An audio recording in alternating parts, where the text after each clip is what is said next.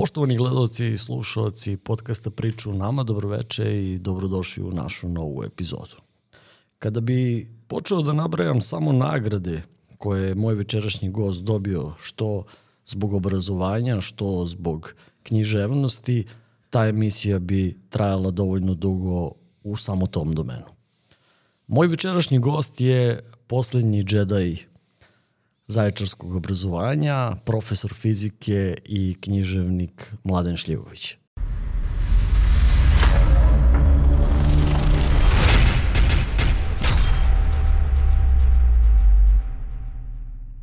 Dobro večer, Mladen. Ne, dobro večer, dobro večer.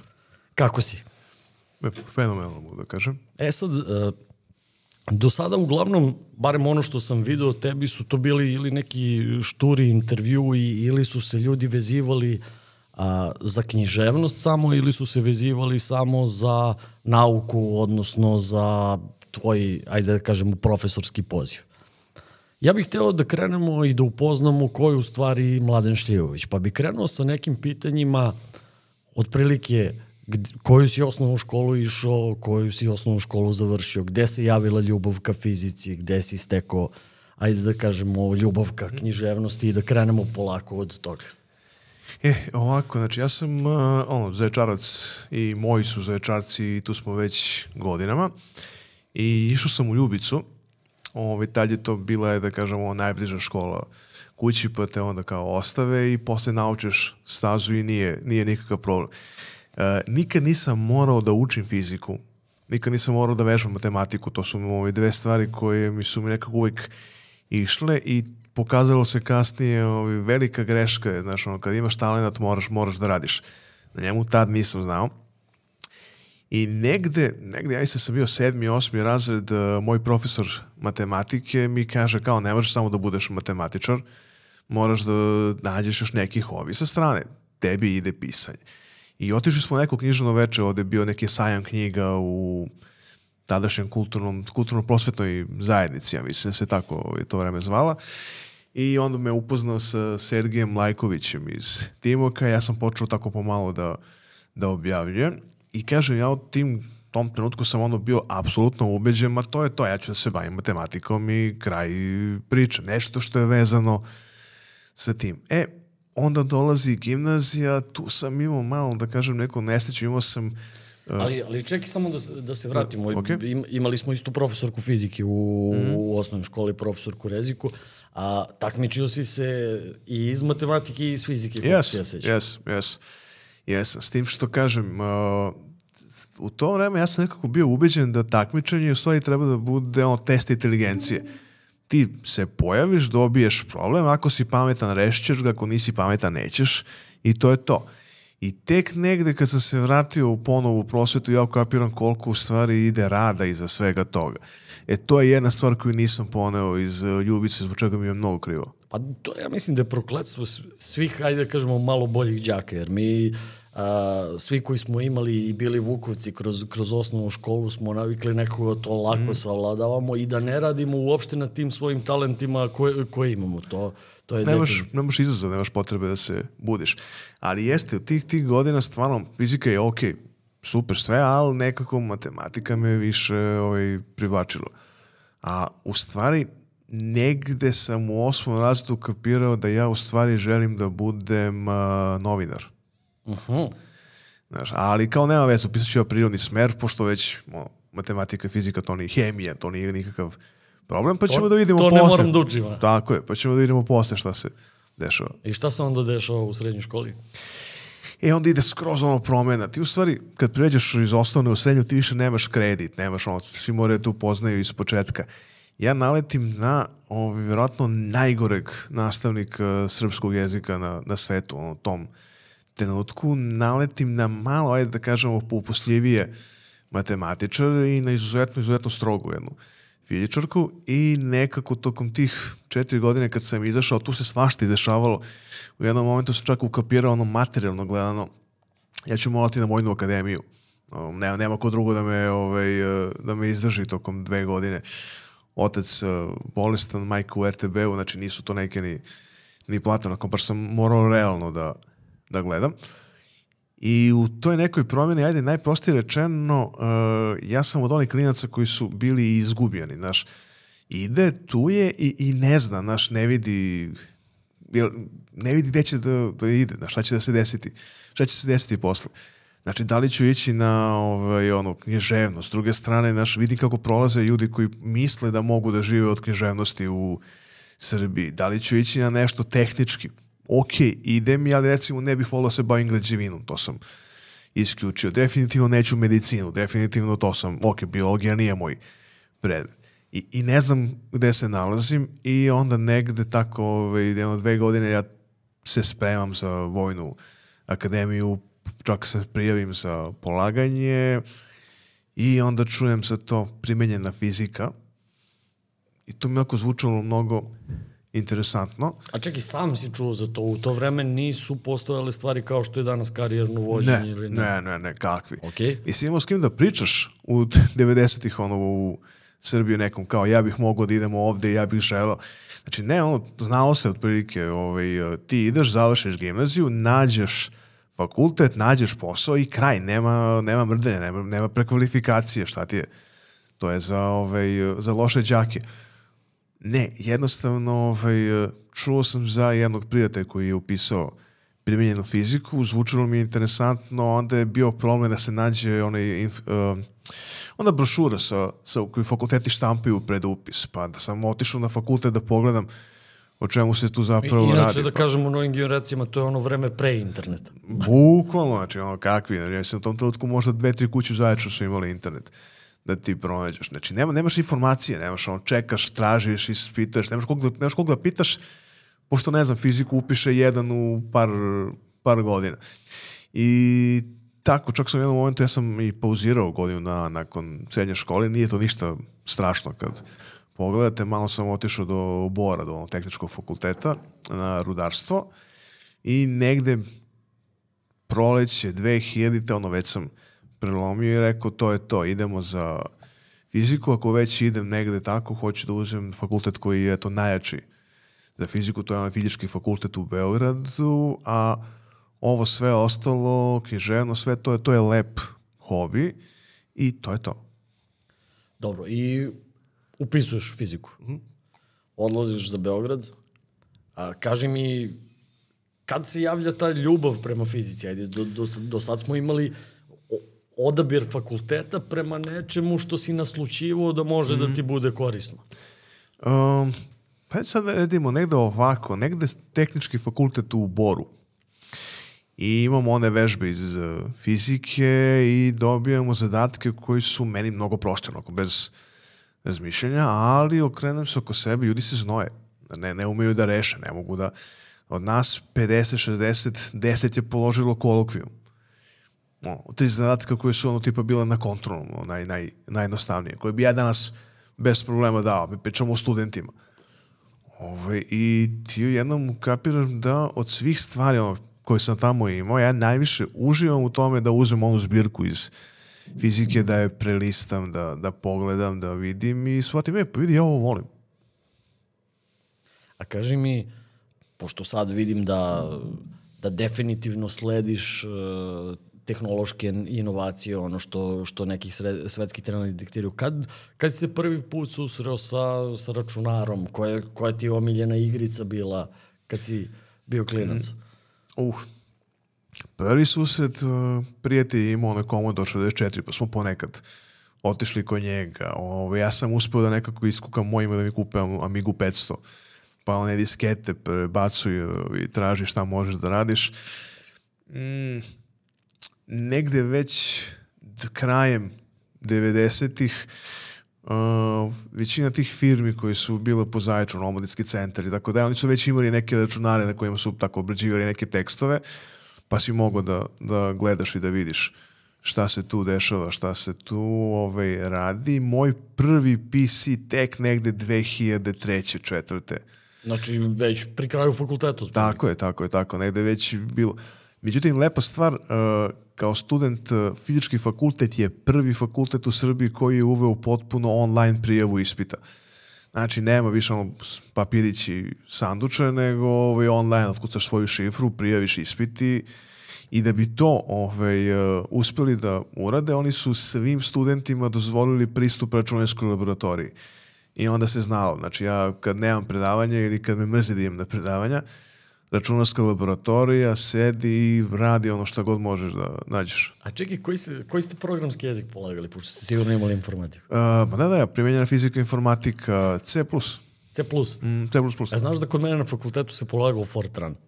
Mm, o, matenji jezik je najlepši. Tako da, kaži mi, nakon fakulteta, nakon fakulteta vraćaš se u Zaječar. Prvo, Uh, još pre. Još pre. Još pre. Pre kraja fakulteta. Pre, pre. Znači, ja sam Ok. negde absolvent 2006. Imam uh, dom još uvek. Treba da konkurišem i da još jednu godinu dana i to je to otprilike. Imam još par ispita koje treba da, da položim i onda dobijam poziv kao treba im hitno fizičar u gimnaziji mesec dana. Znači, toliko, samo dok raspišu konkurs, nakon mesec dana zapostiće nekog i to je to.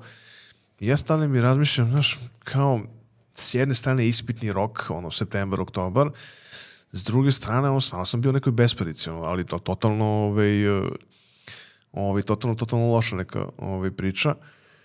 Ja rekao, što ne bih ja, znaš, uzao jednu platu i, on, pokupim ono koliko god ima, uštedit ću malo, pa ćemo da vidimo šta se dešava od jeseni. I to je bilo, znači, pre 15 godina. I, i dalje si to. Mhm. I dalje skupljaš tu jednu platu. Isto, ono, sad je malo povećano, je da kažemo, pošto u tom trenutku je bilo nešto kao te da će biti sa srednjom školom, te da će biti sa fakultetom neke papirologija. Procenat je povećan umeđu vremenu, pošto fizičara ono, nema pa nema. Tako da kad se sve skupi... Jesi ti najmlađi fizičar u Zaječaru? Ja mislim da jesam. Ja mislim da jesam. Znači, ono, tu je 15 godina i kažem još uvek sam najmlađi. A najgore od svega mislim da za desetak godina bit ću najstariji, a ne vidim nikog koji će da... Da. Pa ja, ja, ja to pričam, recimo, povlačim tu paralelu kad, kada, kada sam krenuo politikom da se bavim, a, tad sam bio omladinac i tad sam bio najmlađi. I sad sam najmlađi. Tako da, ajde, nisam najmlađi, ali sam među najmlađima. Toliko o omladinskim pogodima. Da. da, da, da. I u interesovanju uopšte za društvo i za... A, interesuje me kad, kad, kada dolaziš u, u školu, znači, svi smo prošli, ja i ti smo igrom slučaja prošli dve iste škole, prošli smo i, i osnovnu školu Ljubicu i, i gimnaziju, mada u to vreme Ljubica bila nešto drugo, ja mislim da, da, da smo Totalno, mi bili totalno. jako, jako, jako dobre generacije u, u, u Ljubici. možemo da pričamo, ne o ljubici, ali možemo da pričamo o tome šta školu čini jakom školom. Ajde da krenemo odatle, kad si već nametnuo temu. Šta školu čini jakom školom? E, a, prva stvar, znači moramo da razumemo, prva stvar koju čini školu jeste kadar, to su nastavnici. Znači, da li su oni spremni da ulože svoju energiju ili su spremni da odrade te časove i ne. Drugi faktor koji čini školu su roditelji. I to je, to je, to je bitan faktor. Da li roditelj hoće ocenu ili roditelj hoće znanje? To su dve različite stvari. Jel ima u, u, u današnje vreme, jel ima ovih prvi, ovih drugih roditelja? Ovi koji hoće znanje, Da. vrlo, vrlo, vrlo redko. Znaš, to, to ono, tek se, tek se negde upali ta lampica kad dođe prijemni. I onda, znaš, skatiš kao, pa čekaj, kao, šta, cela srednja škola 40 bodova, a 60 bodova prijemni. Da, da, da, da, baš, baš tako. Sad, džabe, ja te, poklonit ću ti ja peticu, nije, nije problem, stvarno. Šta ćemo kad dođe prijemni? Šta ćemo kad te neko pita na ispitu da urodiš nešto? E, to je recimo ovaj, mnogo, mnogo bitan faktor. Roditelji koji shvate da najbolja škola nije najbliža škola, već ona koja može da njihovim klincima pruži ono što oni trebaju, da se da ih razvije u pravom smeru. Ti roditelji su spremni i da stanu iza svog deteta i da pomognu njegovom obrazovanju i onda ja kao nastavnik mogu mnogo boje da radim. E, a to je faktor koji smo izgubili. Znaš, ja još uvek mogu da nađem par nastavnika koji su entuzijasti, ja se ne lažemo. Većina nas je isto tako ono, predala se, otišla. Ali ovaj, oni entuzijasti i roditelji koji ne, ne, ne forsira, dete, nego, nego ho hoće da, da pomogne, da bude tu. To je već super kombinacija. I onda dolazi onaj treći, treći faktor učenik. Šta su njegova interesovanja i u kojoj sredini on raste. Ako neko ovde ima fenomenalan talent za, ne znam, da se bavi svemirskim inženjeringom, on je na pogrešnom mestu. Zato što sredina Srbija ne može to da, da mu pruži. Ali može da pronađe nešto drugo, nešto slično čemu bi volao da se bavi. Ovako mi smo u situaciji, ne znam, da ono, kao upisao sam neki fakultet, ajde da kažemo, ovaj, filozofiju, i sad se pitam šta ću sad da radim u životu. Pa, nešto da radit ćeš u prosveti, nema drugog.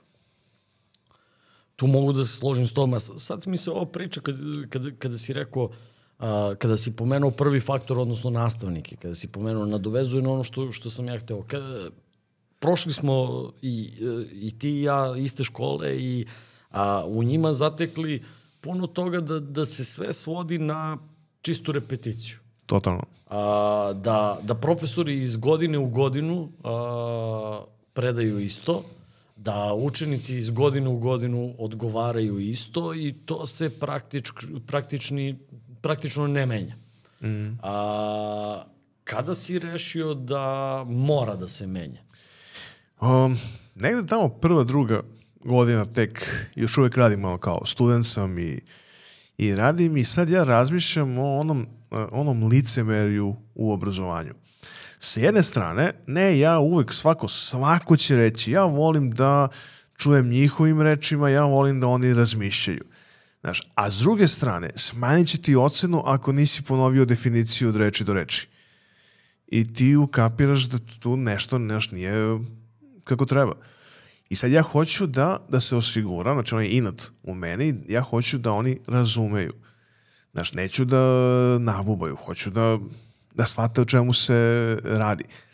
E, ali kako? I mogu ti reći, ovaj, godinama, godinama, to je bila jedna, jedna borba sa onim, uh, uh, jer mi smo završili školu koja je išla na jedan način. I svaki put kad ti probaš da ispituješ na drugi, da pronađeš neki novi način, tebi onaj glas srednjoškolca vrišti, ne, ne tako, ne tako, s tobom nisu tako radili. Znaš, ne ispituje se, znaš, traži da ti ponovi definiciju, traži da ti uradi zadatak. Uh, ja često navodim ovaj glup, glup, stvarno glup primjer. Kontrolni ima četiri zadatka. Zašto četiri? I onda pronađem kolegu koji daje šest, ali dva su ono baš naj, naj, najprostija. Da vidi da li je taj koji je za dvojku, da li je dobio ovaj, zbog e, slučajno prepisao ili je stvarno razumeo. Znači, on hoće da se osigura. A onaj šesti zadatak, e, to ko uspe da mu uradi, taj mu dobija dodatnu peticu. Jer to je za one koji su suviše brzi, pa im je dosadno na kontrolnom, pa onda im daš još neki. Uh, jednostavno, u jednom momentu ja ono, ne mogu više ovako, znači ne mogu da, da ponavljam, ne mogu više, moj mozak više ne mogu da izdrži to, to ponavljanje, taj, taj ista odgovaranja, magnetni fluksije, magnetni fluksije, magnetni fluksije, no malte ako staviš zarez, znaćeš na kom mestu će naprave pauzu u govoru. I onda počinjem, ajde da probamo da ispitujemo ovako, ajde da probamo da ispitujemo ovako, ajde da probamo da damo neki problem. I sad da ne ispade da se ja nešto previše hvalim, ja još uvek uh, tražimo najbolji način. Što se mene tiče, trenutno idemo neka kombinacija. Ovo ćemo da radimo kroz zadatke, ovo će da bude na kontrolnom. E, imamo jedan problem koji moramo da, da rešimo do kraja godine. Prošle godine na primer, e, imali smo, svako je morao da donese jedan eksperiment koji je vezan za gradivo. Znači, vezan za ono što smo učili. Po izboru. Po izboru. Ne sme da se ponovi. Znači, ako ja donesem jedan eksperiment, drugi učenik ne može da donese isti. Znači, hoću nove. U stvari, šta je, šta je fora? Fora je da on prvo mora da istraži preko interneta šta je to što je povezano sa gradivom, pa onda da prati šta drugi rade da mu se ne ponovi, znači on mora da obavesti, e, ja radim ovo, ne može da radi drugi, pa onda faktički naučiš svih onih prethodnih 20-30 eksperimenata koliko ih bude i onda ide onaj najbolji deo kad on opisuje ono što smo učili, znači gradivo koje smo učili i objašnjava mi kroz neku pojavu. I neki eksperimenti su ono bili sasvim očekivani. Ono, napravili smo neke stvari koje, smo, ono, koje sam znao, ali su lepo, lepo su objasnili. Neki eksperimenti su mi iznenadili. Ono, ja nisam znao da je to da je to moguće. Ove, prve godine sam znao zadatak da napravim neka kolica sa ovim, koje, bez motora, onako samo da se spuste pa smo gledali zašto su pravili, gde su postavljali masu, kako su rešili problem trenja u točkovima. Pa su mi onda, sam mi terao da mi objasne gde je tu potencijalna energija, gde je ovaj, kinetička, kako se pretvara, gde se gubi energija, gde se najviše gubi energija. Dakle, da nije, nije poenta da mi on napravi najbolji, to možemo da uradimo, nego je poenta da mi on objasni šta on u stvari radi. I to je ono novo što smo uveli od pre neke, što sam uveo od pre neke godine i to je ono što sad nadam da ću još više moći da, da radim. A kaži mi, ili kod tebe ima ono, mene to recimo, kada, kada sam bio, kada sam bio srednjoškolac, opasno nerviralo, znaš, ono, u, u prvi, posle prve dve, tri lekcije se obično dve, tri drugarice, da ih ne imenujem sad, jave, one dobiju peticu i onda ti posle, mislim, Ne, pipa, ne diraš ništa sa njima, tako da... O, otprilike, a, a, a na kraju oni koji ostanu, oni gule kompletno da. gradivo. E, uh, znaš šta je problem? Ne možeš ni da ono ispredaš lekcije pa da kažeš šta ću da ispitujem, jer onda ide problem šta ćemo da radimo s... s uh, niko neće da uči tih prvih mesec dana. Znaš, pa onda kad dođe, e, onda, e, pa ima previše. Pa ima, ima, nis, nismo počeli na, na vreme. Uh, jeste, jeste, ali generalno gledano negde ja ne ispitujem septembra, nego dođe do nekog broja lekcija koje zadajem, kažem, ok, hoću na kraju ove oblasti da znate da uradite to, to, to i to. Ako je termodinamika, hoću da primenite jednačinu, hoću da primenite zakone. Ja to ispitujem. I neki put se čini kao, pa to je prelako. Pa nije prelako. Znaš, to je, to je, to je, to je sve ono što smo definisali. Učenik mora da poznaje ono tri gasna zakona. Da, zna. Učenik mora da ume da izračuna bilo koji parametar onaj načina gasnanja. Da, da.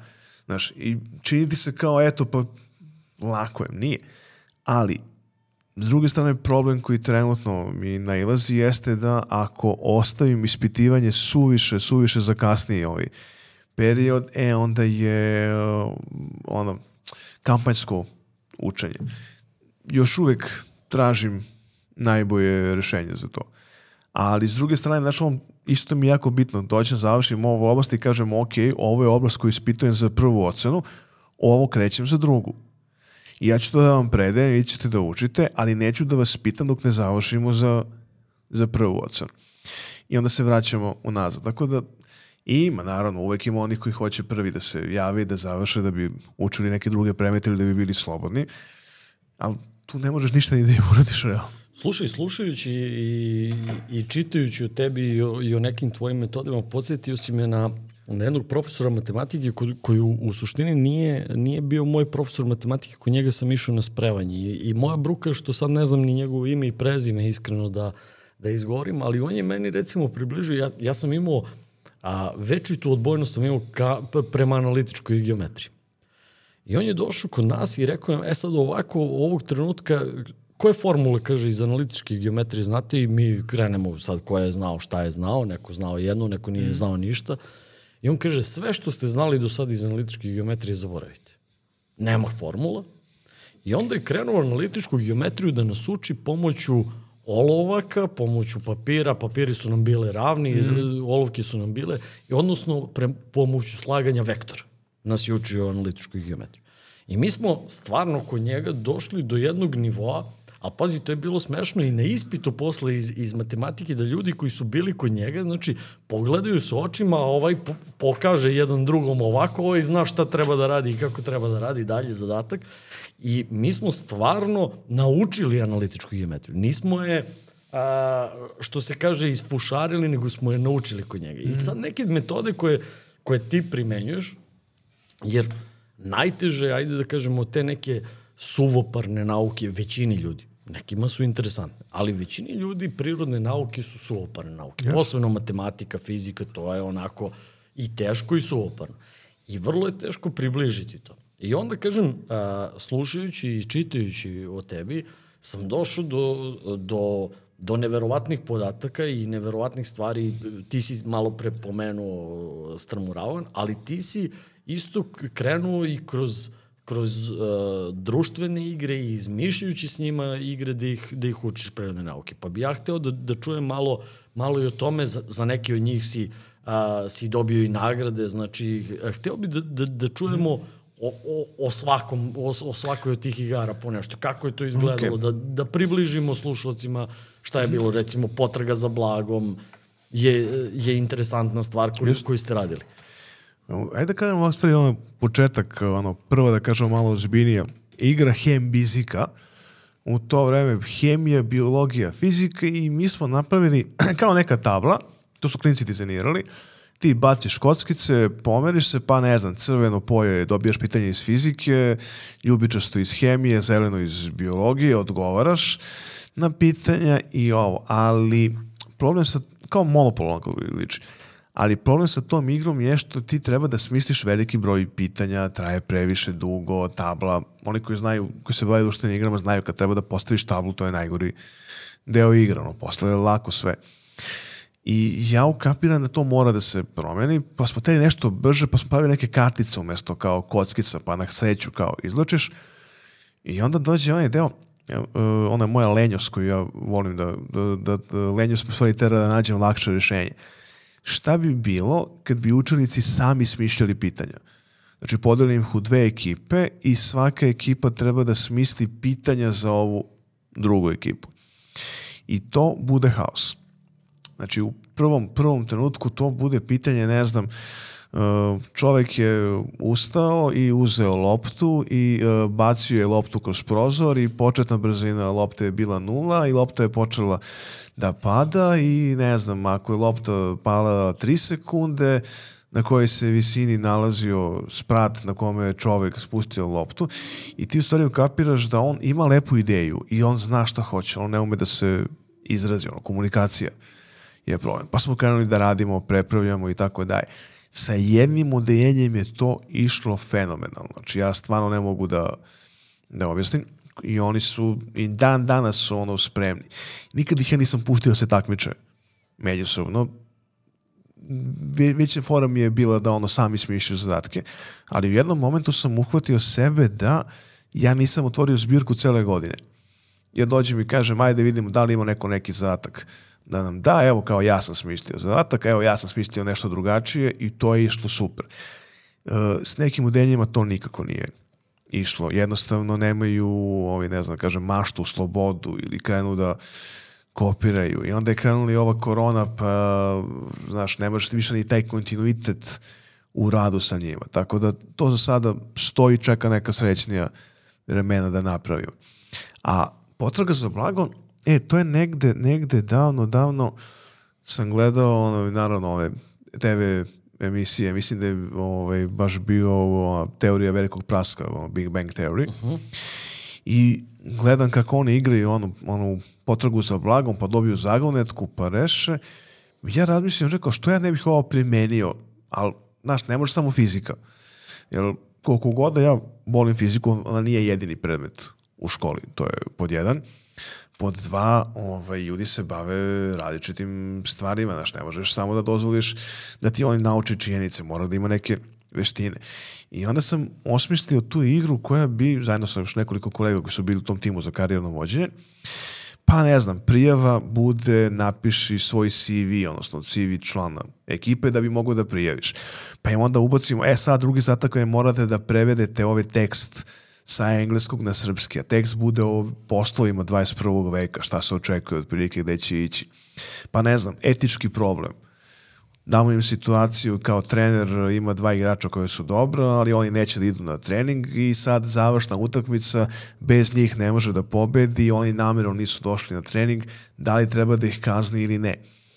I onda vidimo kako razmišljaju, oni treba da obrazlože odgovor neke zagonetke ovaj, koje treba da reše. Da li imamo sistem jednačina, pa smo merili vreme koliko im treba da reši da bi video ovaj, ko će brže da uradi, s, kom, s kim treba da se radi, s kime ne.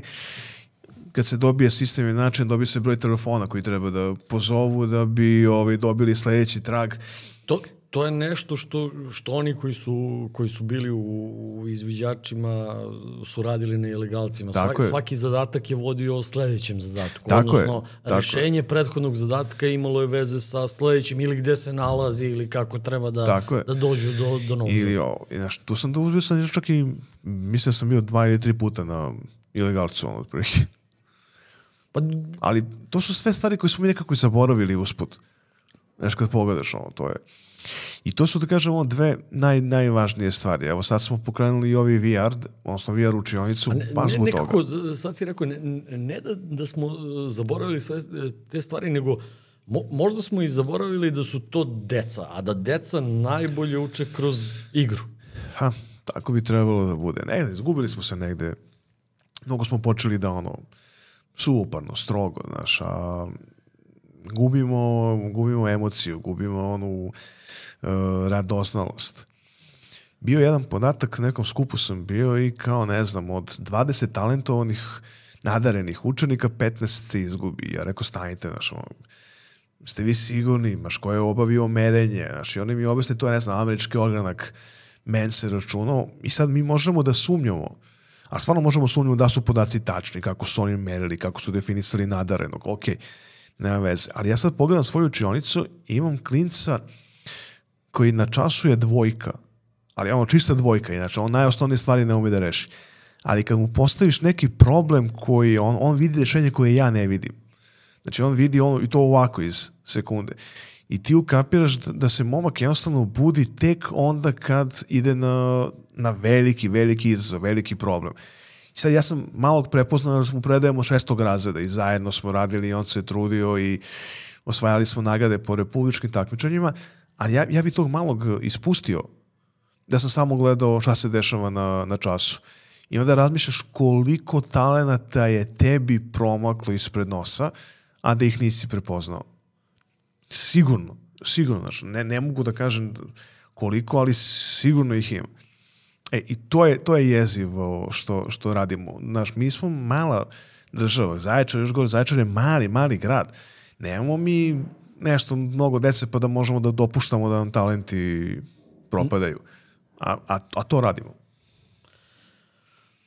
Nažalost, to, to se dešava i ti i verovatno e, ne moraš da gledaš svoju učionicu, ali e, ako bi, ako bi pogledao učionicu u kojoj si bio kad si bio učenik i koliko je tu nekih inteligentnih mm -hmm. ljudi, ajde da kažemo, završilo gde nije trebalo da završi, dovoljno ti kaže da se, da se društvo ne bavi time, uopšte selekcijom, pa i to mm -hmm. karijerno vođenje koje je krenulo da se radi je, ajde da kažemo, pomak napred u, u, u celoj toj priči. Jer šta ti znaš sa 18 godina?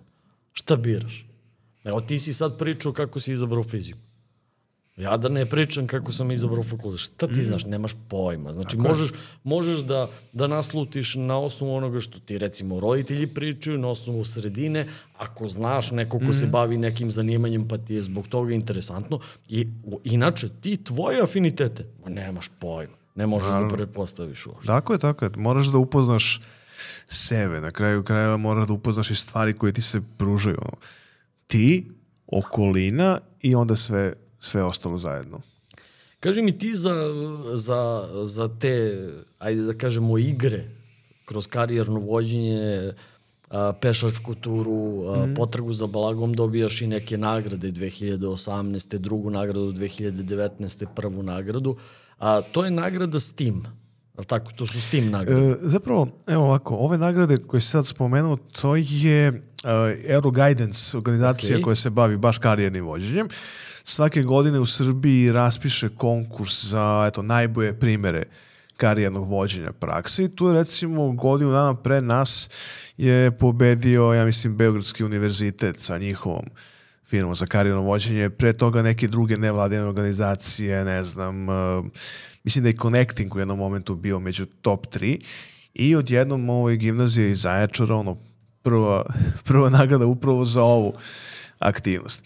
A uh, jeste, uh, jeste ono da se, uh, da ja to mogu da povežem i sa Steamom, U ali stvari, pa, ne, Steam pešačka zona je bila, tako se zvala. uh, STEM pešaka tura, Steam, da. da, pešačka tura, da. Da, da, zato što sam, uh, u stvari ja sam se spremao za jedno drugo takmičenje Evropska st nedelja stema i na tom takmičenju je trebalo da se pronađe najbolja aktivnost koja će da poveže karijerno vođenje i STEM zanimanja.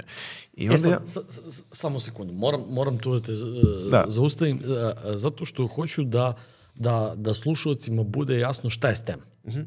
Ja, ja mislim da mnogi ni ne znaju. Mi smo sad pričali, ti si STEM, tako je. STEM ambasador, je li tako? A, mene sad interesuje šta je STEM. E, akronim, on, četiri reči, Science, Technology, Engineering and Mathematics. Znači, nauka, tehnologija, inženjerstvo i matematika povezani. U stvari, tu je reč o konceptu da, eto, trebamo da više povezujemo te predmete, a ne da učimo svaki posebno. Uh, najsličnije, najsličnije kod nas bi bilo recimo evo, to je aktivnost koja nije nagrađena, ali je ušlo jedan uh, resurs, nekoliko, uh, STEM Jam. Znači, ja sam trebao da, zatak mi je bio za potrebe nekog kursa da napravim aktivnost koja će da poveže fiziku i hemiju i neki svakodnevni problem oko nas. I onda smo mučkali glavu šta, kako, i ja rekao, znaš šta, pravit ćemo pekmez. Ali najzbiljnije, uzeli smo kabinet 15, znaš fizika gde je, uzeli smo rešo iz nastavičke, on iz kafu, ubacili gore i od čega ćemo da pravimo pekmez, um, ajmo pšagarep, banana, ananas. To niko nije, nije probao, što da ne. Usput ide priča kako, šta je pektin, kako se pektin pretvara u one žele, o, čista lekcija iz hemije. Onda ide objašnjenje šta se dešava u procesu termodinamike, ono kuvanja, šta se dešava sa teglom kad zatvorimo. Zašto mi dodajemo šećer, ono, zašto je šećer konzervans, kako on to sprečava da se pokvari. U stvari ona, da kažemo, difuzija uh, izvuče vodu iz svih substanca unutra koje uđu, tako da bakterije ne mogu da žive u tome. I gomila, gomila tih stvari i eto mi smo uspeli da povežemo sa jednom ono, stvari poput Beckmeza, ali eto umemo da objasnimo na naučni način. I onda nismo tu hteli da stanemo, nego smo rešili, ajdemo sad da proširimo, ajde sad da nađemo neke lepe teglice, pa da idemo nekako da ih ugrasimo, pa da napravimo firmu koja će kao da se bavi ono tima, učenička kompanija, pa smo išli, prodavali smo, ovaj, pekmez od banane nam je najprodavaniji ubedljivo. Znači, pek banana sa cimentom, o, ko luda.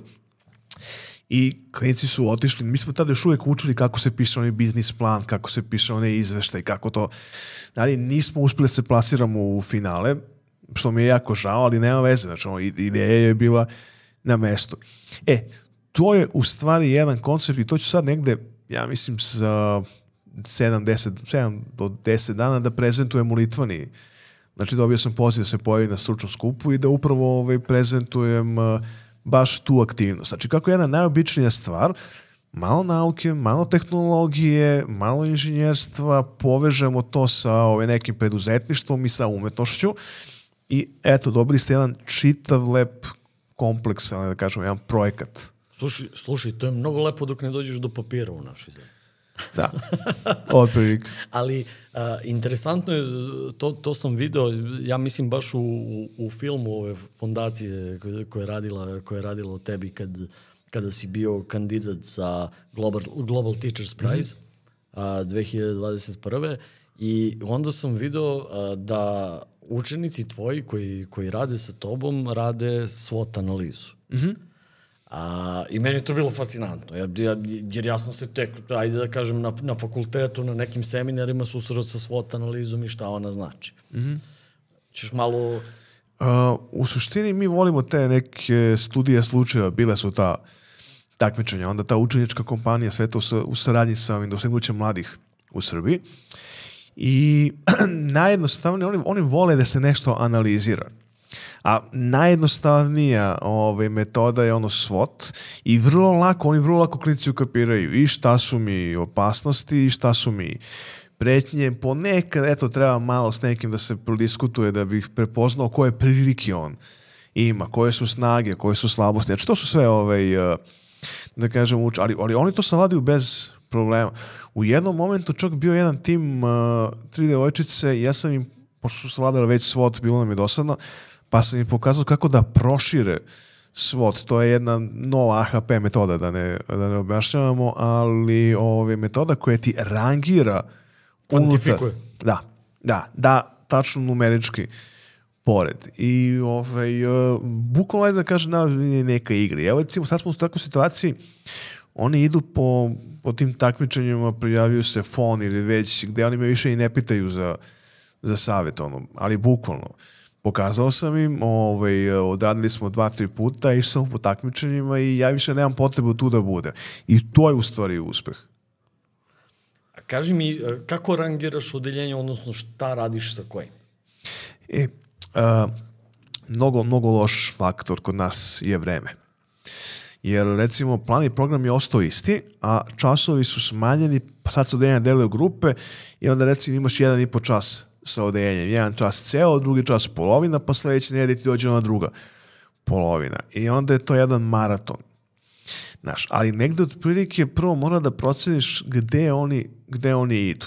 Ako je to odeljenje koje se, ne znam, bavi IT-om, ono, da, e, ja znam da na fakultetima oni imaju ispite koji su vezani za fiziku i za elektroniku. Znam da onda moramo da radimo žestoko, struje, magnetno poje, Znaš, to, su, to, su, to su bitne stvari. Ako je to recimo društveni smer, pa onda neš, ne vidim razlog da ih maltretiram time. Ajmo onda da pričamo o nekoj primjeni, ajde da vidimo šta sve tu može da se iskoristi u životu oko nas. Ako je to ovaj prirodni, odnosno ovaj problematički smer, e onda gledamo da li mi oni malo više nagenju ka medicini, pa da pričamo o fizici u tom, obliku ili recimo malo više idu ka građevini, pa onda da pričamo o tom obliku ili na kraju da nađemo neku sredinu. Znači, bukvalno svako denje je priča za sebe. I, I svaka tvoja igra je priča za sebe, jer ako, ako uzmemo u obzir da, da ste Dopplerov efekt radili preko metalike, da ste da, da si uveo i društvene igre kao terraformisanje Marsa da. u, u, u ovo, pa čak si došao i do simulacije nuklearnog reaktora. Da, da, da, da, to je ono, prvi put online nastava, da se ne lažemo. Niko ne zna kako izgleda online nastava. U tom trenutku još ono čekamo ko će da predaje, da li ćemo da uključujemo decu online, da li ćemo da im šajemo neke lekcije. I većina kolega je našla vrlo jednostavan metod, naprave oni gomilu testova, izvolite, najviše mrzim ono, ono, uradiš prezentaciju i okačiš imaš. Prezentacija je za priču, Word je za učenje, tekst je za, za učenje. Snimi video ako ti je toliko komplikovano da radiš nešto. I ja gledam, znaš, imam maturante. Prvo, i, i če, neizvesno je šta ih čeka. Znaš, drugo, moje odejenje. Znaš, ja sam im razredni. Ne mogu, treba da prođemo nuklearnu. Znaš, ne mogu da im dajem uh, zadatke, imaju, imaju, uzeli su ih sa svih strana, ono što se kaže na zub. Znači, dakle, ja moram da nađem neki način da krenemo sa ovim što je zanimljivo i da mi naučimo usput to što nam treba. I onda krene neko, ma mora da je neko napravio neku igru. Znaš, ne, mora da je neko napravio nešto, neku igru sa ovim, uh, sa nuklearnim, bilo čim. I pronađem stvarno, neko je napravio igru u kojoj ti upravljaš nuklearnim reaktorom Kao Homer ili... Pa, bukvalno, zato što ono kao eksplodira, ono, sve na vreme, poenta je da pokušaš što manje da... I onda ja gledam, rekao, ok, ovo je dobro, ali ajde kao malo da, da, da zadamo neki zadatak. I onda im ja pošajem, ok, ovo vam je igra, ali ja hoću da mi odgovorite na još gomilu pitanja. Znači šta je radioaktivnost, e, zašto se javlja, zašto se koristi uranijum, ovo. Pa im nađem neke simulacije sa ovog sajta FET Colorado, pošaljem im i to da malo ovaj, e, pogledaju i mi dobijemo stvarno jednu super aktivnost, da on, eto, sedi opušteno igra onu igricu, ne vira se što mu je već peti put eksplodirao reaktor u toku večeri, a ja s druge strane dobijem da su mi svi oni savladali šta je nuklearna opasnost i kako rade nuklearni reaktori i zašto se menjaju i šta se dešava sa tim otpadom. Znači čitav jedan kompleks koji sledi iza te lekcije. E, a najbolje od svega, to je stvari ono, šta u stvari još mogu da uradim sa tom lekcijom. Mogu da recimo organizujem, i to je bio jedan od plan, ali debatu.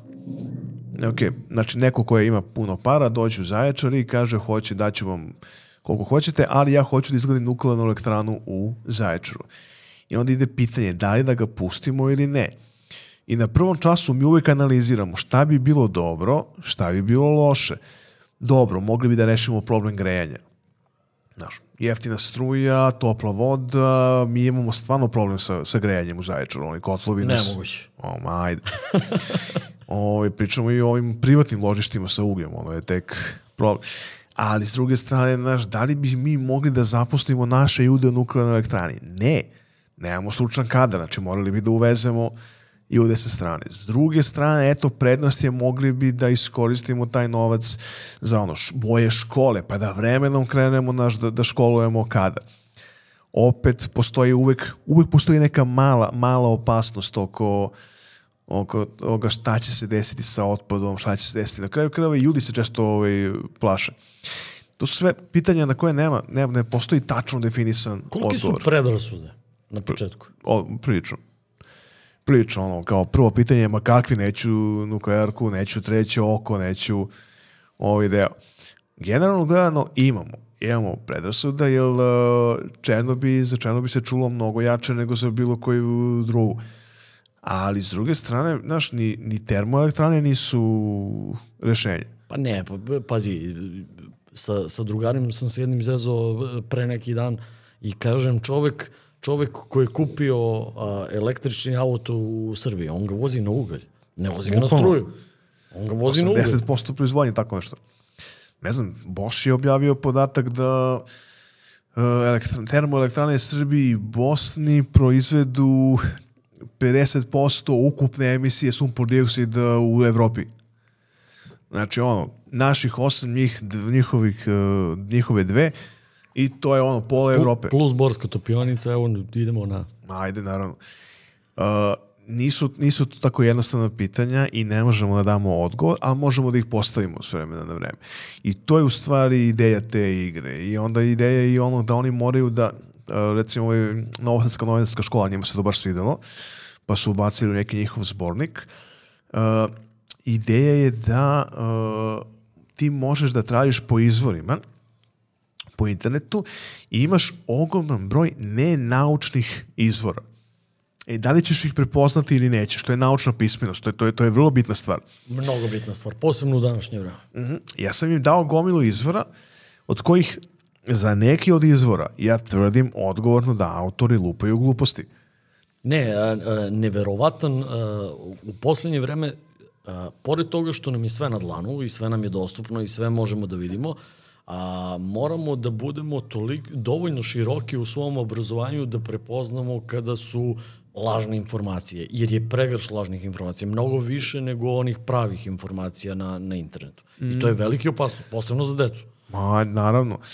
Ovo, ja se sećam kad sam u jednom momentu kao razmišljao, ajde da nađemo nešto o zračenju, o uticaju zračenja. I dolazi mi neka devojka i ono neko kosmičko zračenje i čakre i ja rekao, gde si to našlo? Pa kao na netu. Pa rekao, za ti ne možeš da prepoznaš da ovo nema veze s našim predmetom. Istinita priča. I onda se čovjek malo, malo i uplaši. To, to, ova generacija danas, to je generacija koja će da radi narednih 40 godina i to je generacija od uh, koje će meni da zavisi penzija. Nije, nije, nije, nije, nije naivna stvar. A ne, ne radi se ni slučajno sve to sa, sa, sa tim lažnim informacijama. A, ka, kaži mi, a, terraformisanje Marsa, i to ste radili live eksperiment, ne samo kao da. društvenu igru. E, društvena igra je samo početak. Znači, ok, postoji igra, možete da je pogledate, imamo primjera kao ovaj, kažem, u, i u školi imam ja svoj lični ono, za, za potrebi, oni su to volili da igraju, ali, ajde sad da vidimo, pitanje, jel, projekat počinje pitanje, projektna nastava počinje pitanjem. Pitanje je bilo, šta sve treba da uradimo da bismo mogli da napravimo našu koloniju na Marsu? i kako to da rešimo. I u jednom momentu je to, se, to sam se iznenadio, pošto su oni sami davali odgovore, uh, nije prvo pitanje bilo kuće, gde ćemo da živimo. Nije čak bilo pitanje ni grejanja, ni energije, ništa, ništa toga. Prvo pitanje je bilo hrana, šta ćemo da jedemo? Ok, tineđeri, znaš. I kao ide pitanje, znaš, malo je skupo da se sa zemlje transportuje ono zemljište, pa da tamo sadimo. Da li bi mogli da napravimo da nešto nikne na onom njihovom, da se ne lažemo, gledali smo onaj film Marsovac. E, I pronađemo mi sastav, preko ajde progledamo šta možemo udimo, nađemo sastav zemljišta na Marsu, toliko i toliko ovaj, silicijum oksida, dioksida, toliko i toliko gožđe, tri oksida, i ovo. Ja pogledam, rekao, pričam s klinicima, rekao, čekaj, pa ovo silicijum, pa to je u stvari kvarsni pesak. Dakle, to možemo da nabavimo iz, iz Ragotine. I, i uspeo da nabavimo jedan džak. Rekao, ajde ovog vožit ćemo da kupimo, ovaj aluminijum, ovaj magnezijum, ok, ja ne znam, ovaj bio ne, jedan element, je, ali u nekim tragovima bio je skup, pa smo ga zamenili nečim drugim, jer jednako bi oksidirao na vazduhu. Nešto ne bi promenilo. I mi napravimo zemljište koje liči na Mars, onako crveno je, peskovito, prašina neka. I šta ćemo, sadimo pasuj. On daje energiju, može da se radi, ok, nema problema i nikne. I onda nastane onaj prvi problem, ubuđe nam se jedan put, drugi put. To je sad problem koji trebamo da rešimo. Ja znam šta je rešenje, ali nije poenta da im kažem. Poenta je da sami e, otkriju. Tako je. Oni su završili ove, srednju školu, otišli su, sad se radi različitim ove, stvarima, ali ove, još uvek čekam, još uvek imam sam materijal i možda se jeste će uskoro nekoj novoj generaciji da, da postavim sličan problem. Šta ćemo da uradimo sa Marsom? Interesantno, uh, takođe uh, sastavni deo tvoje, tvoje neke, uh, ajde da kažemo, van nastavne aktivnosti su i Erasmus projekti. Volo bi da sad krenemo kao što smo sa, sa, sa STEM-om uh, krenuli u, u objašnjanje, prvo da objasnimo ljudima o čemu se to radi. Eh, evo ovako, znači Evropska komisija, ako mene lično pitate, je ukapirala da je najbolji način za ono međusobno razumevanje jeste da malo putujemo i da razmenjujemo ideje i na kraju krajeva da se upoznajemo. Znači, ali jednom kad odeš u Španiju i upoznaš taj ljudi, ti više nemaš takvo mišljenje o njima, nego imaš skroz drugačiji, sad je već mnogo pozitivnije. Isto važi i za nas Srbe. Treba nam malo, popula, malo da se popularizujemo u svemu tome. Tako da Erasmus e, projekat svake godine raspisuje taj poziv, škole, institucije, neprofitne, mogu da konkurišu i da dobiju određena sredstva ili za mobilnosti, to su ono K1, pa da nastavnici ili učenici odu negde na praksu ili da uči ili neki kurs, ili na kraju krajeva da stvore nešto zajedničko, su one K2 Znači nekoliko škola rade zajedno na nekom projektu pa dobiju novac da bi mogli da putuju, da se posete smešta i hrana i tako to. I ovaj, negde sam ja to uspeo da prepoznam i pošto eto već, kažem i s ovim kompanijama i s ovim, već sam razradio kako ide to pisanje ciljeva, kako projekat napisati, imamo sreće, eto prošlo su nam ovaj, tri projekta koje smo sami pisali, ono, baš autorski. U jednom smo radimo sa ovim uh, Nemcima i Dancima, Holandjani su nas napustili, nažalost, umeđu vremenu. U drugom, malo, malo da kažem, malo težom, onako baš, to smo mi koordinatori i kod Tempusa je stvarno velika konkurencija za to, tako da ovaj, baš smo se onako potrudili za taj projekat. Sarađujemo sa školom iz Turske, Bugarske, Poljske i Španije i hoćemo da napravimo neku igru koja bi ličila na onaj Kahoot, ali bi želeli da ubacimo i naše video snimke, naše objašnjenje. Tako da nastavnik može da da test svom odeljenju koji bi oni radili kod kuće ili na času ili se takmičili međusobno, to je ono sve na nastavnicima kako oni želi da, žele da urade. Ali najveća prednost Erasmus projekta, no, ubedljivo, ubedljivo najveća je, u jednom momentu mi biramo učenike i njih 20 smo izabrali za putovanje i dolaze i ja pogledam i vidim 19 njih prvi put leti avionom u životu. Znači ti ćeš da zaboraviš, ne znam, i šta si tamo radio i Uh, ne znam, šta si učio u školi, ali nema šanse da zaboraviš prvi let avionom. Pa ja sam tri puta letao, ja mislim. Ja. Znači, nema, nema šanse da zaboraviš, nema šanse da, da, da, da izgubiš ovaj, ono, da si ti bio nekoj porodici nedelju dana, da, si, da si, ne znam, živeo sa njima. Na kraju krajeva, to, toliko smo različiti, način razmišljanja je, je različit. Uh, prosto nevjerovatno, ali uh, oni uvijek zamišljaju, pa kao kod nas je ovako. Da, kod nas. I vjerojatno njima to smeta kad dođu ovamo kod njih je drugačije. Učimo malo da, da razumemo jedni druge, nismo mi negativci. Ja to znam kad, kad, kada smo mi radili projekat izgradnje nove topionice u Boru i onda su nam stalno prisutni bili tu finske kolege oko uhodavanja tih a, postrojenja i onda smo sa njima provodili, ajde da kažemo, čitave smene i onda kreneš i pričaš o životu i onda mm. vidiš koliko se, koliko se tu neke stvari razlikuju. Meni je bilo fascinantno kad smo, kad smo pričali vezano za tu je bio jedan mlađi kolega koji se u to vreme bio ženio i, i krenuo a, kuću da pravi i onda on meni kaže kao krenuo sam, krenuo sam da pravim kuću i ja, ja kažem dobro i kao koliko, koliko te to izlazio i on meni kaže, neku cifru mi je rekao, od 350.000 evra od prilike. Ja kažem, šta praviš za 350.000 evra? Da. On kaže, pa kuću 80 kvadrata, kažem, šta ne Ja rekao, 350.000 evra. Ne po propisima, verovatno. Kaže, kaže 350.000 evra. I onda, I onda staneš i uh, onda i neke stvari ti vidiš, znaš, čak ni, ni, ni ta uh, plata kao plata nije toliko uporedna vrednost, jer i troškovi njihovi. Znači, pivo u Finskoj nema ispod 15 evra da se da, da. da popiš. Znaš, da, da, da. To je, i, I treba da vide sve to, jer, jer lako je da kažeš ja hoću da idem preko, ali da li je uvek to, ta računica baš, baš dobra? Da, ljudi imaju, ja kažem, svaki grad ima neku, nešto što je, se podrazumeva. Recimo, na primjer, mene Brisel oduševa, tamo sam bio već pet puta i tamo je najnormalnije da ti uzmeš pivo iz prodavnice i da sedneš na trg, na onaj glavni trg, onaj njihov Grand Place i da piješ. Ješ, ne ono da se uništiš alkohol, nego da to tako razgledaš i, omladina to radi. I turisti to rade. Znači, to je recimo jedno potpuno, potpuno opušteno. Ja to stvarno kad odem, ono, nikakav stres, ono, popodne, stvarno su opušteni. U Nemačkoj to nije.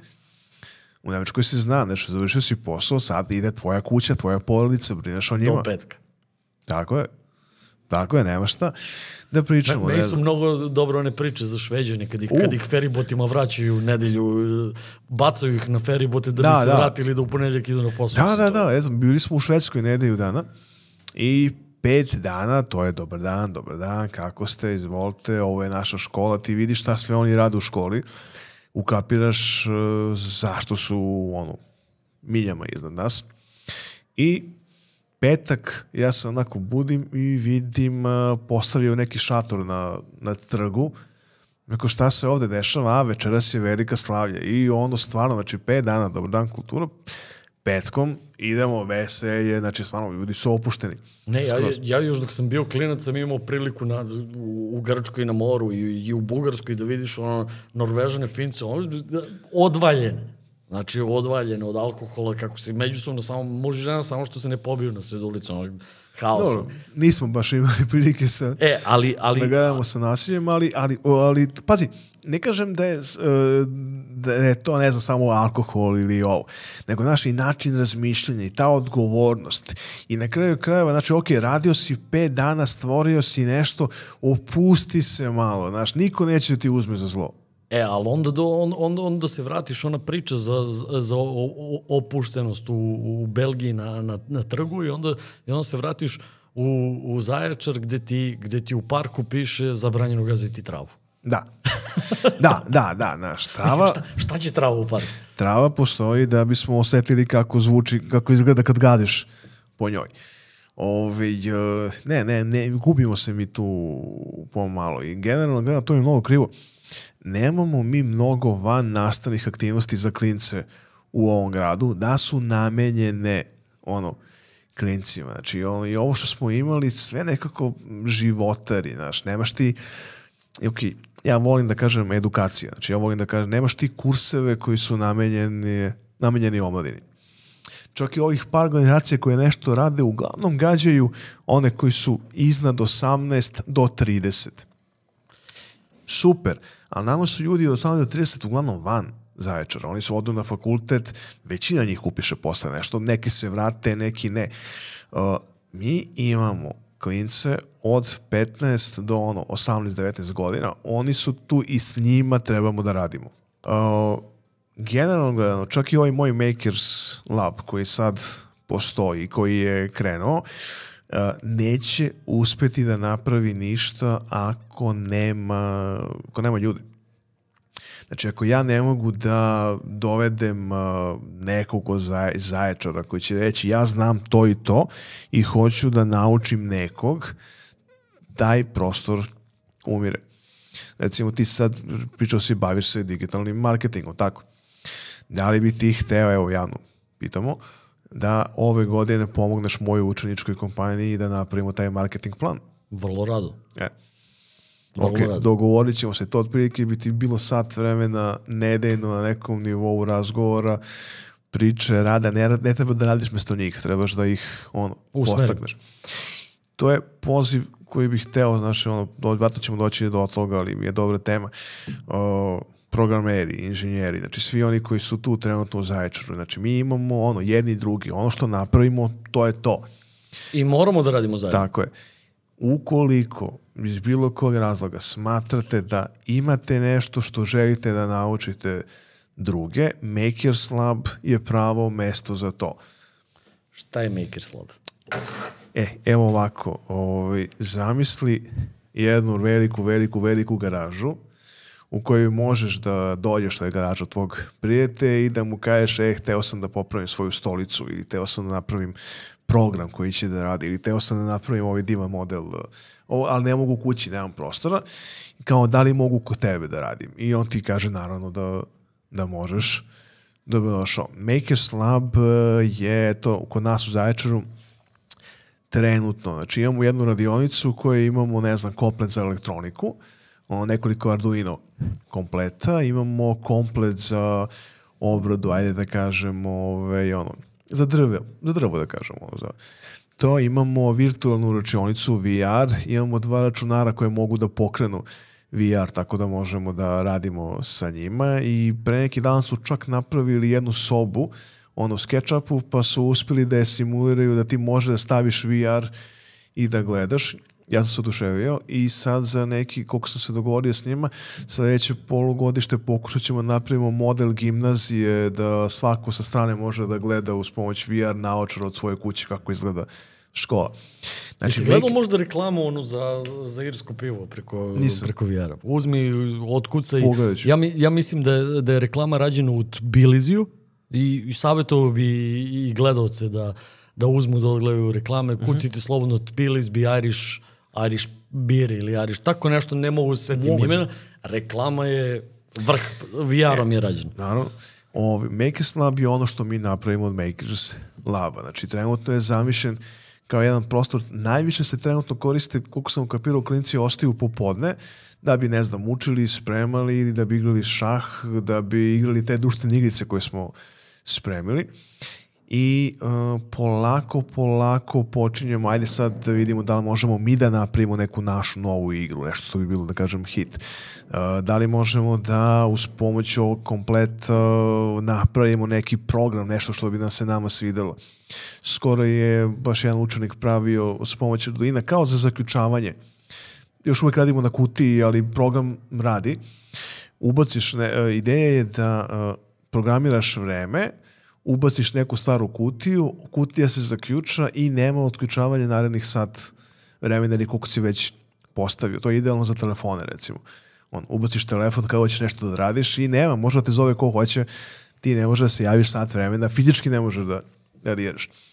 Ili recimo ove devojčice uh, Girls Can Do It, uh, njih pet prošle, uh, da, Girls Can Do It, pet njih je prošle godine pokrenulo program da učenice Znaš kako se zvala pre nekoliko godina najbolja svetska kampanja marketinška Always, ja mislim da je radio i, i, i apsolutno sam siguran da je naš čovjek bio kreator te kampanje, Miloš Obradović se zove, a Do It Like a Girl.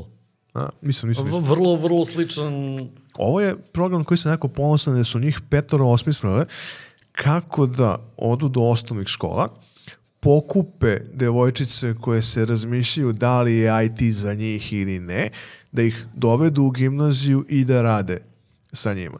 Jer meni je malo čudno znaš, da svake godine imamo to odijenje za učenike sa posebnim sklonostima kao informatici i računarstvo i da budu samo dve devojke u proseku. Znaš, malo je, negde, negde gubimo decu. A već smo rekli, već smo rekli, ne smemo, mali je ovog grada bi izgubio jedno dete, a kamoli nekoliko njih. E, i negde ja verujem da mi nastavnici ne trebamo tu da imamo ključnu ulogu pa kao dođe ovamo pa radit ćemo ovo, nego da treba to da prepustimo onom vršnjačkoj edukaciji. Znači, oni smišljaju za svoje vršnjake i šta bi bilo zanimljivo i šta može da se uradi. A mi smo tu samo da ih onako malo ohrabrimo i kažemo, ok, ovo ti je prostor, ako imaš problema, stajem iza tebe i ništa se ti ne brini. Inače, sredstva za Makers Lab su obezbiđena? Uh, to su četiri organizacije, znači pre svega Nordeus fondacija koja je ono baš, baš glavna, dostignuća mladih u Srbiji s kojima, kažem, srađujemo već šest godina i jače. Ne smijem da zaboravim moju omiju organizaciju, Centar za promociju nauke, ove, jedna fenomenalna organizacija koja ono, zaista, zaista radi ono punom parom i koja nas je u stvari najviše onako i da kažemo i stala iza nas i predložila i to i naravno da inicijativa Digitalna Srbija i s njima smo imali prilike da sarađujemo. I, inače Nordeus za, za one koji ne znaju je ajde da kažemo srpska IT firma bila, da. bila dok, dok, dok nije prodata, prodata i prodata je za ogromne pare. Skoro pola milijardi koliko, koliko, koliko Nisam siguran tačno. Ja mislim 389 miliona dolara da je, da je, bilo, da je bila ta transakcija u u Srbiji. Vrlo, vrlo Inače, za, za muškarce koji, koji igraju menadžera, Top 11 je njihov, njihov najpoznatiji Bukvalno. proizvod. Da. I ovaj, bukvalno njih uh, četiri su formirali tu grupu za obrazovanje. I prepoznali su da postoji problem u obrazovanju i žele da naprave 100 makers labova do, ja mislim, negde u narednih pet godina. I mi smo eto, izabrani da budemo u pilot fazi, da budemo jedan od prva četiri Makers Laba u Srbiji u školama. Tako da ovaj, to, je, to je jedna fenomenalna uh, prilika za koju stvarno možemo da budemo stvarno ono, zahvalni.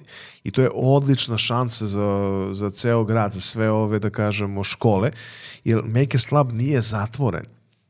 Znači, samo me pitaju da li kao mogu da dovedem decu. Da, da, da, javiš se na vreme, dođeš, organizuješ, ono kao jedini uslov jeste da mm, ono, kako smo zatekli, tako i vraćamo. Znači, to sam rekao i mojim klinicima. Kad završite ovde, vi brišete tablu, vi vraćate sve stvari na mesto, stolice, stvarno poštuju. A to je u, ajde, kažem da, da približimo otprilike, taj prostor je urađen po nekim standardima a, tih radnih prostora, tih mhm. IT kompanija da, bukvalno. čuvenih. Bukvalno. Imamo jedan veliki konferencijski sto, imamo jedan ogroman pokretni televizor, imamo lezi begove ovi koji su tu, eto da kažemo... Oni, Sony taj... limit. Sony limit. Ne, još uvijek, ali, ali, ali, pazi, nemoj da te čudi, već nešto smo pikirali kako da to da nabavimo. I ono što smo mi dodali jeste ta radionica sa strane. Znači taj deo gde ove, to je to je zamišljeno nije za frontalnu nastavu, nije za onu nastavu kada dođem i kažem e sad slušajte me, ali jeste za prezentacije kad dovedemo goste. Jeste kad nešto treba da se tako malo da radi. I jeste za ono kada ja dođem u denje i kažem ok, deto, sad ću da vam postavim problem, kako da napravimo bazu na Marsu, pa onda vi malo istražujete na onim računarima koje su ideje, malo na onim lazy bagovima pravite koncept svog plana, pa onda idete do radionice da napravite ako vam je nešto palo na pamet i na kraju se vratimo da prezentujemo. Znači, kompletna jedna aktivnost može da se odvija tu i to nije kraj, zato što sad ćemo da se proširimo i 20. decembra bi trebalo već da otvorimo uh, naučni klub Centra za promociju nauke, da ne povezujemo, nije isto što i Makers, Lab, Makers Lab je nešto drugo, iako je i tu uključen centar za promociju. Ovo će nam dati priliku da, recimo, možemo da učestvujemo u javnim pozivima svake godine, pa da i škole i druge organizacije mogu da konkurišu kod uh, centra za promociju za aktivnosti koje bi se dešavale u klubu od, ne znam, blogova do izložbi, do, ne znam, ono šta god vam padne na, na pamet, a da je vezano za bilo koju nauku. Ne mislim samo na fiziku, nego na, nego na šire, od istorije, arheologije, biologije, medicine. I, I to je isto jedna fenomenalna šansa. I, I mislim da je vrlo bitno reći profesorima koji žele da se upute u neke aktivnosti i, i da krenu nekim putem kojim, kojim si ti išao, da, da ne postoje a, veliki i mali konkursi i veliki i mali projekti, ne. jer svaki projekat je u suštini popunjavanje CV-a neko ko, koga vodi i Bukvalno. u suštini a, da, da si odbio projekte možda do ovde ne bi ni došao. Ne, ne, ne, ne, ne, ne, ne, ne bi, još bi bio na početku. To je ono kao, mi uvek, ajde da vidimo da urodimo ovo, šta ja imam od toga? Znači, to, to, je, to je prvo pitanje. Znaš, ne znam, evo, ovaj projekat ima 1000 dinara, neću da se mučim za 1000 dinara. Ok, neću da se mučim za 1000 dinara, nema problema. Ali, najći će veći projekat i izabraće neko ko ima iskustva, jer je pristao da radi te sitnije, manje projekte. I smo počeli sa, ne znam, nekim malim konkursima, pa smo, ne znam, pre neku godinu uh, smo slali film za, sorry, pre neku godinu, pre, boga mi već još malo pa 7-8 godina. Slali smo film na uh, takozvanu noć istraživača. Nagrada je bila da, eto, doći će kombi ko pobedi i nismo, nismo prošli. I onda sledeće godine mi ponovo snimimo film o nauci, naš pošajemo film i oni nas pozovu i kažu mnogo nam se sviđa film i stvarno je lepa, ali mi smo rešili da idemo u neke manje sredine ono što mi hoćemo da uradimo jeste da zovemo vas da dođete da nam organizujemo promociju filma u Beogradu. I ja i moj učenik ovaj, krenemo za Beograd, tamo u Francuskom kulturnom centru ide promocija njegovog filma, on je sam to snimio, ja sam samo dao ideju šta bi moglo da ide. I pozovu nas i kažu, evo, sledeće godine mi hoćemo da sarađujemo sa vama i sad Zaječar dobije ovaj, noć istraživača. Pa nam onda jedne godine povećaju budžet, pa nam sledeće godine povećaju budžet i mi sad stignemo do jednog prilično lepog, eh, prilično lepog budžeta. Znači, ove godine smo dobili, ne znam, eh, dobili smo hidroponski sistem za, ono, za bike i gomilu društvenih igrica, naravno, i neke pametne saksije sa ono podešavanjem temperature, svetlosti, prehrane. Tako je. I sve to samo zato što sam, eto, recimo dve godine bio uporan da, da pošajem uh, jednom film i drugi put film da bi neko prepoznao, e, u Zaječaru se nešto dešava, ajmo tamo. Tako da nije, nije sve ono kao uzmem sad, odigram ovaj potez i to je najbolje što sam mogu da uradim. Znaš, igra se to na nekoliko poteza.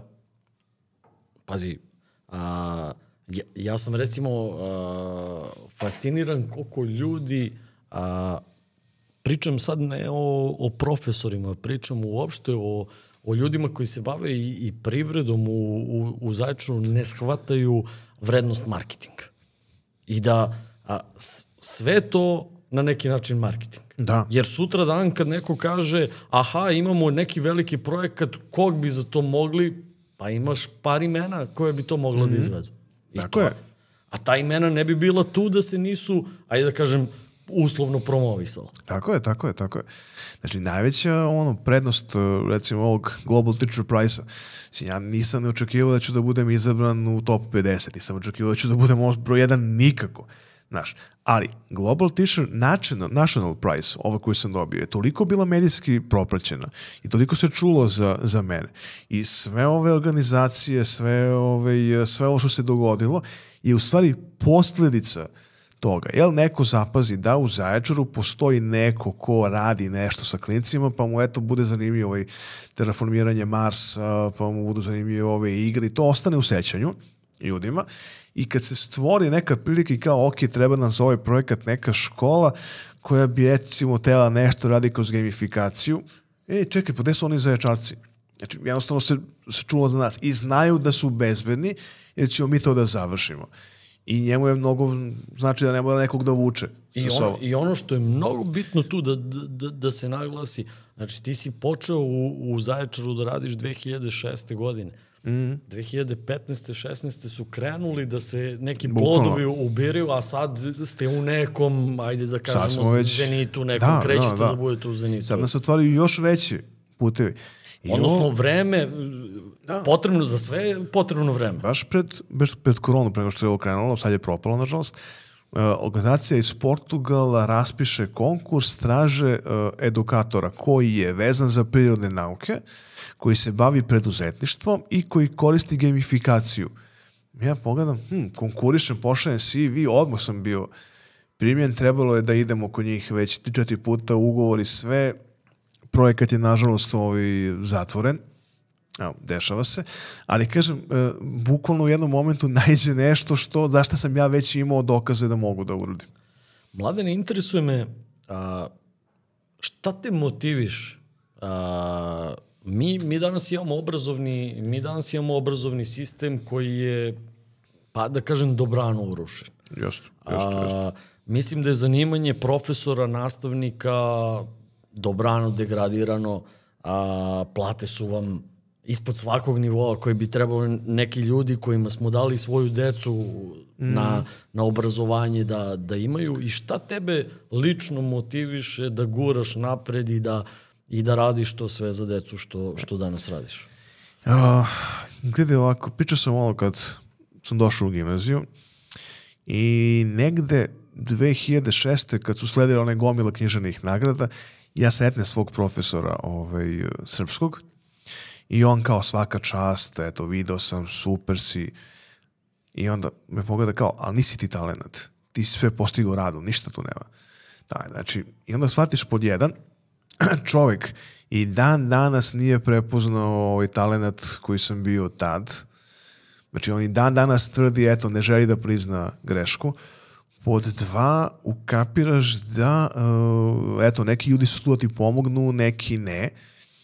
I tre, u treći ukapiraš da ti ne želiš da budeš kao, takav, kao taj lik. I ja bih rekao i pod četiri. Bez, bez rada svaki talent je To stoji. Bačen talent. To stoji, to je tek... E sad si ti mene uvuko u, u deo priče koji, koji mnogi ni ne znaju za tebe, a, vezano za književnost. Imaš dve izdate zbirke mm -hmm. pesama, a, dobitnik si nekih nagrada, Matićevog šala 2006. Aladin Lukač nagrade 2007. Čak imaš i a, nekoliko nagrada, odnosno dve sigurno znam za prozu, dve, 2017. Mm. Andre Gavrilović i Nanušić i Adisi osvojio, ja mislim, treću nagradu. I treću i drugu. I treću i drugu nagradu.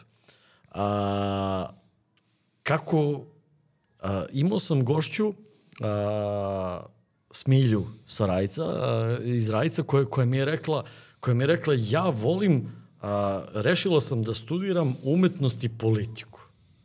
I, i njoj to stoji. E sad, kako, kako se spajaju fizika i književnost? Uh, je, to, to je to toliko puta ovaj, ono postavljeno pitanje i ovaj, seća se jednom u, baš u Svilajncu da dodali i ovaj novinar dolazi. Kako ste spojili fiziku i književnost?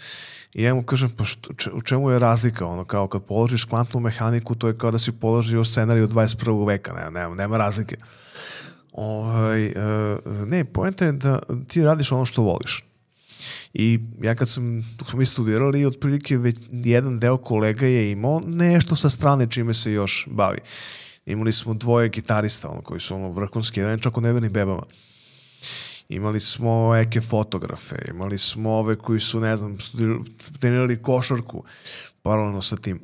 Uh, ne možeš da se baviš uh, ono čistom čistom naukom, a da nemaš neki hobi, nešto, neki ventil sa strane.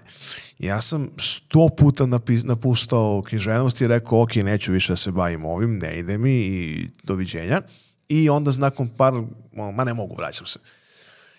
Uh, nije, nije spajanje, jednostavno je deo mene. Znači, to što sam išao na ove različite, ove, nije me sramota da kažem, išao sam na ove radionice za, za pisanje, to mi mnogo pomaže za projekte. Jer recimo kad treba da obrazložim uh, svoju ideju u projektu, da to neko, tako je, to neko treba da pročita. Znači ja moram da uhvatim kao u dobrom romanu, moram da imaš onu udicu na početku i da ga nateraš da čita. Mora da bude jasno, precizno. Znači ne mogu ja stavim, uh, ne znam, hoću da razvijam veštine kod svojih đaka. Ne, ne, ne, konkretno. 20 učenika imaće priliku da se upozna sa radom tim i tim. Doviđenja. Uh, sve je to, da kažem, jedan isti deo jednog kruga. Znači, on, eto, mogu da radim sa naukom, odnosno sa fizikom, mogu i da predstavim to pomoću projekta i mogu i da pišem. I za mene je to sve ista, ista stvar, samo drugačija perspektiva.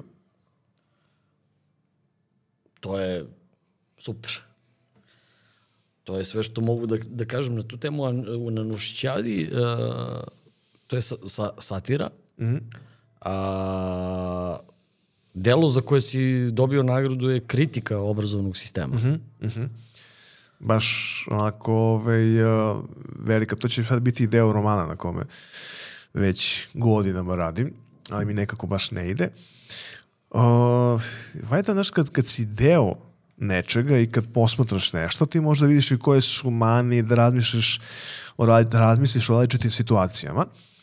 A celokupno oni, oni koji su imali prilike da čitaju bilo šta ono što sam napisao, znaju da ja volim tu parodiju, to karikiranje, to postavljanje neki neobičan koncept. I onda imam, uh, u prvoj knjizi imam Sizifa koji radi u fabrici, imam uh, Ikara koji leti iznad Grčke pa ga obaraju ono, PVO.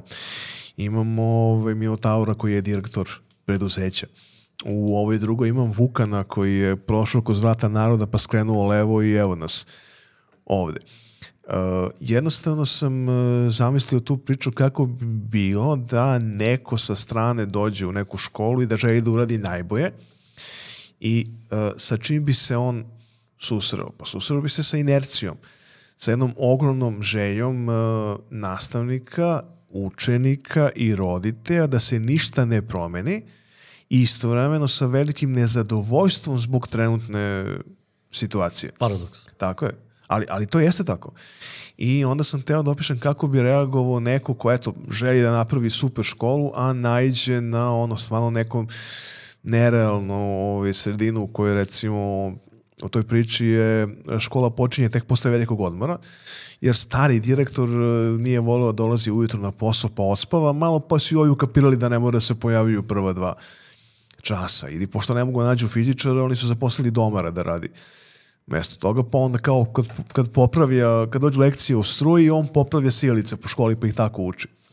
Znaš šta, kad, kad sam te pitao malo pre o, o, o motivaciji, uh, i tad smo i prešli otprilike na književnost. Mm. Kad sam te pitao, uh, znaš šta me interesuje? Interesuje me, verovatno nije lepo osjećaj kad, a, pored svih tih priznanja, pored svih tih nagrada, ti bukvalno sutra dan možeš te nagrade da baciš i na kraju dana što se tiče bodovanja ispred tebe može da bude neko ko ima dve godine radnog staža više od tebe. Mm. Kakav je osjećaj to? Totalno, totalno ono, bez veze.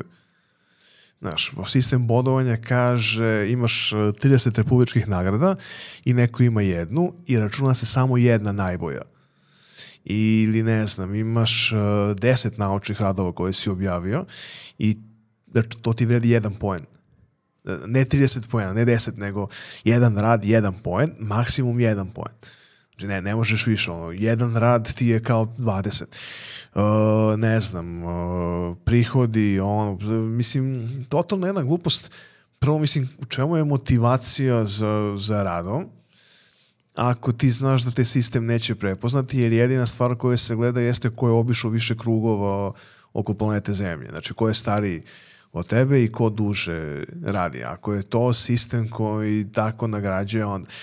S druge strane, znaš, to je krivica sindikata. Oni su to dopustili i vjerojatno štite svoje stare članove, starije nastavnike.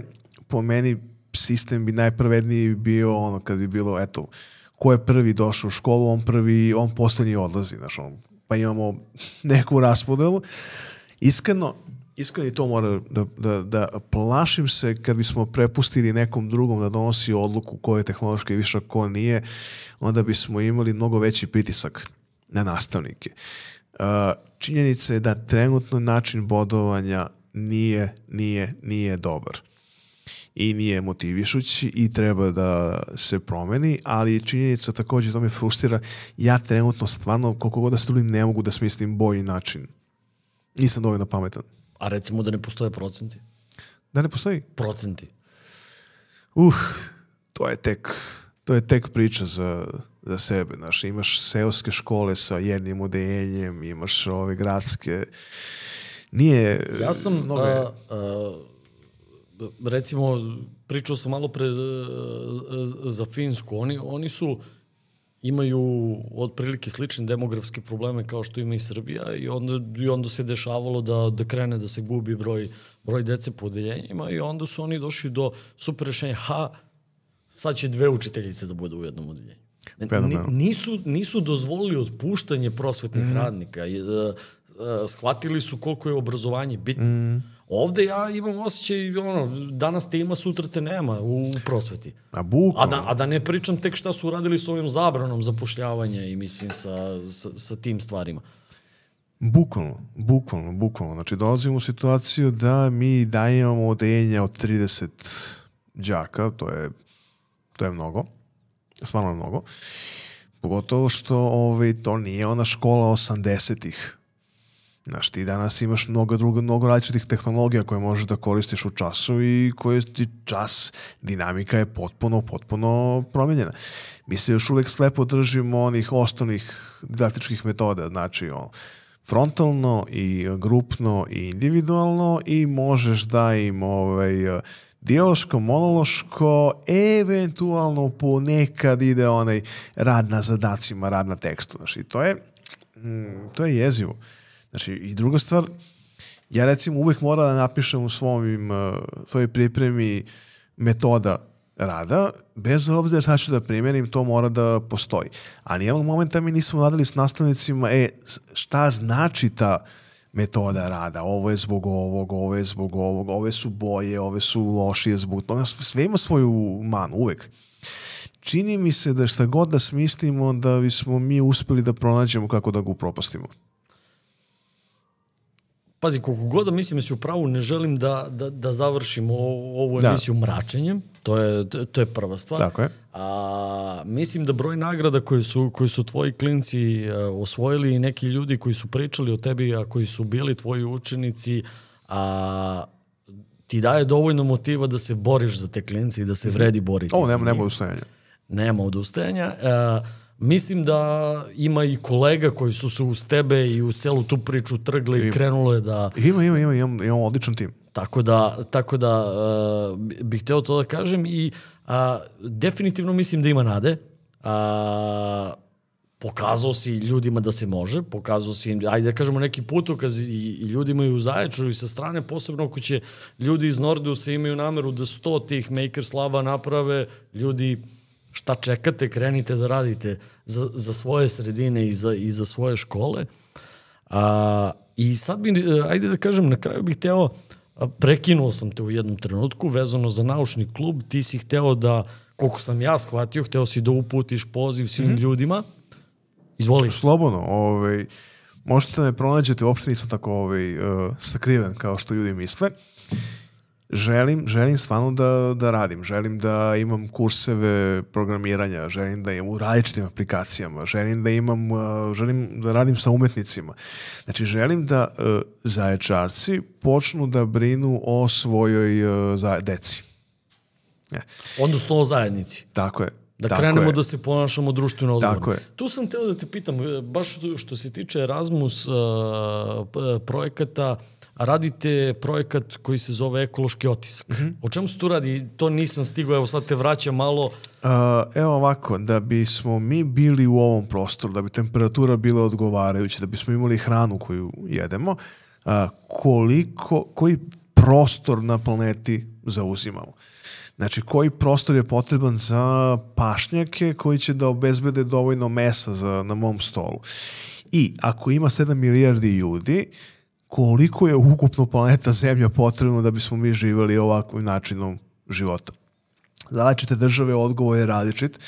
Negde mislim da sam pronašao u Beču podatak kad bismo svi živjeli kao Amerikanci što žive, to bi bilo, bilo bi nam potrebno pet planeta Zemlja.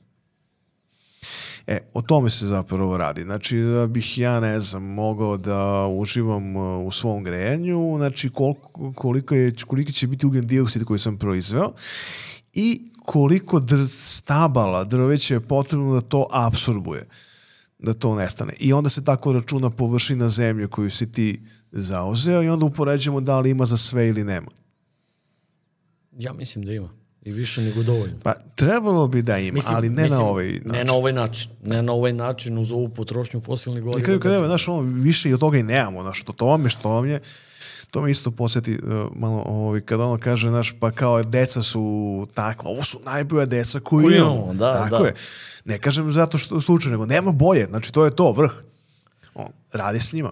Ništa. U svakom slučaju ja, ja bi sad ovde da, da, da završavamo, ja verujem da će biti još prilike da sednemo da pričamo o nekim se nadam. novim stvarima koje, koje budete radili. Što se tiče što se tiče naučnog kluba, ja sam ti i javno obećao da ću, da ću pomoći. To je to isto, govoreno. Isto što se tiče nas, što se tiče karijernog puta, možemo da, da uputimo i kako, kako se a, realizuje jedno snimanje mm -hmm. podcasta i šta je sve od opreme potrebno ako, je treba, ako treba učenici da se u tako nešto upute. Tu smo i na raspolaganju smo i kao Zaječan online smo ti na raspolaganju za promociju svih aktivnosti koje radiš. Hvala ti Hvala, još jednom što si došao i vidimo se, ja se nadam uskoro. E, vidimo se.